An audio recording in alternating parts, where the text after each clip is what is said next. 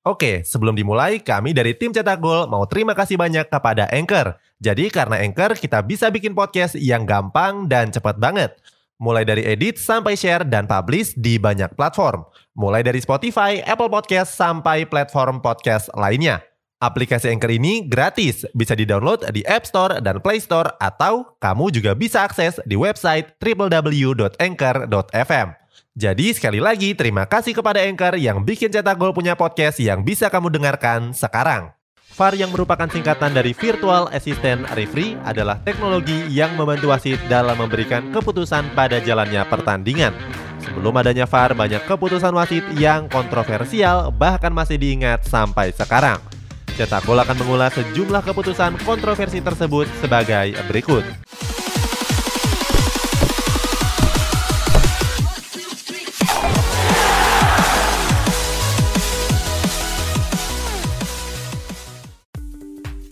Gol tangan Tuhan Diego Maradona. Legenda sepak bola Diego Maradona pernah membuat kontroversi pada gelaran Piala Dunia 1986 yang lalu. Saat itu Maradona membela timnas Argentina yang akan bertanding melawan timnas Inggris. Pada laga tersebut, Maradona berhasil mencetak gol kontroversi yang dicetak lewat tangannya. Apalagi wasit Ali bin Nasir yang memimpin laga tersebut menilai kalau gol Maradona adalah gol yang sah. Para pemain timnas Inggris yang gak terima langsung memprotes keputusan wasit asal Tunisia tersebut. Walaupun begitu, Ali bin Nasser tetap pada pendiriannya. Saat itu, posisi Ali memang berada jauh dari proses terjadinya duel. Dia pun sulit mengidentifikasi gol tersebut. Apalagi Diego Maradona menyamarkan gerakan tangan dengan ayunan kepalanya. Alhasil, skuad The Three Lions harus rela menerima kekalahan dan gagal melaju ke babak selanjutnya. Gol kontroversial tersebut kemudian jadi buah bibir dan jadi headline berita di berbagai penjuru dunia. Secara nggak langsung, gol tersebut juga jadi gol yang paling ikonik dalam sejarah Piala Dunia. Seandainya Ali berada lebih dekat dengan proses gol tersebut, besar kemungkinan gol tangan Tuhan Maradona nggak pernah tercipta. Gol Frank Lampard yang tidak dianggap. Lagi-lagi Inggris jadi korban keputusan wasit yang kurang tepat. Kali ini terjadi pada ajang Piala Dunia 2010 pada laga melawan timnas Jerman. Saat itu laga berlangsung sengit di mana kedua tim saling jual beli serangan. Pada menit ke-39, Frank Lampard melepaskan tembakan keras yang gagal diantisipasi oleh Manuel Neuer. Bola tersebut menghantam bagian bawah mistar masuk sekitar 90 cm di garis gawang dan memantul keluar. Tapi wasit Jorge Larionda yang memimpin pertandingan tersebut menganggap gol Lampard jadi nggak sah. Menurut Jorge, bola belum melewati garis gawang. Padahal dalam tayangan ulang bola jelas menyentuh bagian belakang garis gawang sebelum akhirnya memantul keluar. Seakan kehilangan semangat juang, timnas Inggris menyerah dengan skor 1-4. Sehabis pertandingan tersebut, Presiden FIFA saat itu Joseph Blatter menyampaikan permintaan maafnya secara terbuka. Sepp Blatter juga membuka rencana menerapkan teknologi untuk meminimalisir kejadian serupa untuk tidak terulang kembali. Lalu disempurnakan dengan teknologi VAR yang mulai diterapkan di Piala Dunia 2018.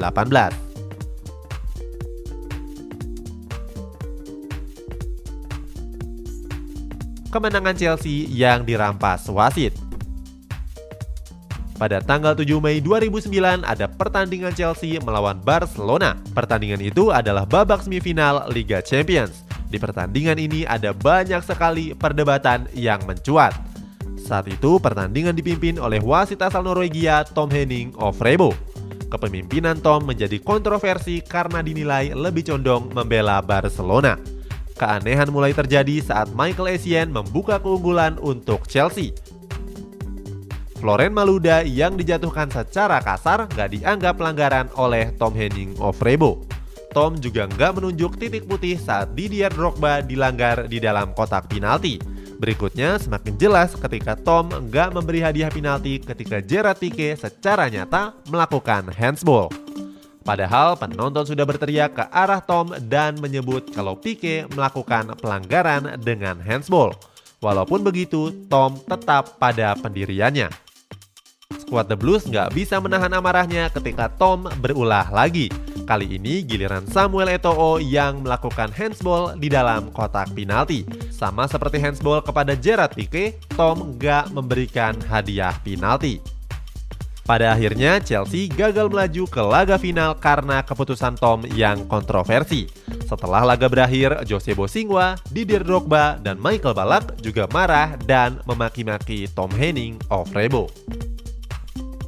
Oke, sebelum dilanjut, ada yang penasaran nggak? Gimana caranya bikin dan nyebarin podcast yang kayak gini? Nah, ini karena tim cetak gol pakai Anchor. Mulai dari rekaman, edit suara, tambah lagu, sampai drag and drop bisa kita lakukan sendiri pakai Anchor.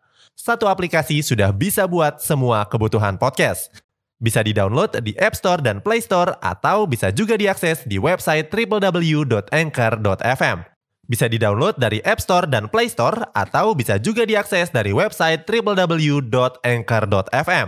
Terus yang terpenting Anchor ini gratis. Download dan coba sendiri setelah tonton episode ini. Kemenangan Chile yang dibantu wasit. Chile diuntungkan dari keputusan kontroversial wasit saat mereka menghadapi Peru di semifinal Copa America 2015 yang lalu. Kontroversi tersebut berawal dari terusirnya pemain bertahan Peru, Carlos Zambrano. Zambrano diusir dari lapangan oleh wasit Jose Argote setelah menerima kartu kuning yang kedua. Zambrano dianggap mengasari Carles Aragonis pada menit ke-20 babak pertama. Para pemain Peru memprotes keputusan Jose karena dianggap berusaha menyapu bola dengan bersih. Sementara Aragonis sengaja menabrakan dan menjatuhkan dirinya. Protes juga dilancarkan kepada Jose ketika meloloskan Arturo Vidal dari hukuman. Saat itu Vidal terlihat menampar Zambrano di sudut lapangan.